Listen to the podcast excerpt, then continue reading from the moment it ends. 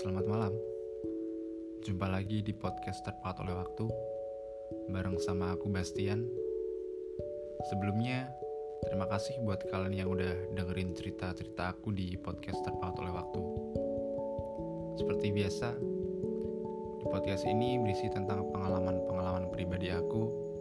Jadi, selamat mendengarkan.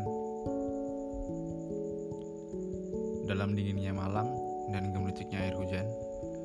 kala malam itu, aku sedang menunggu kabar dari seseorang. Seseorang yang entah hatinya untuk siapa, yang jelas aku sangat mencemaskannya. Entah mengapa, segala perihal tentang dia selalu muncul di kepalaku. Padahal, aku sendiri nggak tahu apakah dia mengalami hal yang sama seperti yang aku rasakan atau enggak. Tapi jelas aku begitu menikmati rasa yang aku miliki. Kalau menurut puisi-puisi lama, cinta itu ialah pengorbanan. Tapi kalau menurut aku pribadi, cinta itu tentang ketulusan.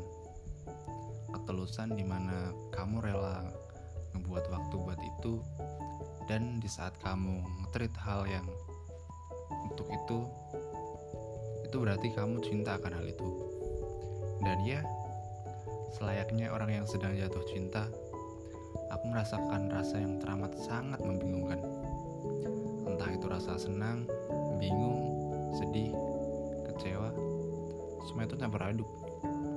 Pada awalnya, semua berjalan sesuai dengan rencana. Tapi entah tiba-tiba semua berbalik. Layaknya seperti menunggu sinar senja datang yang tidak bisa diprediksi, entah akan datang kabut atau hujan yang menghalangi. Namun, aku akan selalu menantinya dengan sepenuh hati. Ya, itu kamu.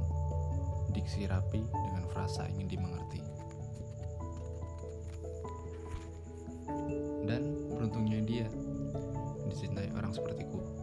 Entah terbalas atau tidak, entah dia tahu atau tidak, aku gak peduli. Sebab ia telah aku nobatkan sebagai puisi paling manis dan doa paling menguras tangis di dalam dadaku. Karena di sini aku mencoba untuk bisa memahami dia. Entah seberapa randomnya mood dia dan seberapa konyolnya tingkah laku dia. Aku tak mengapa, karena yang aku inginkan hanyalah mencintainya dengan sepenuh hati. Sebab entah bagaimanapun juga, rasa ke dia sudah terlanjur bersemayam di tempat paling nyaman yang tidak bisa digenggam.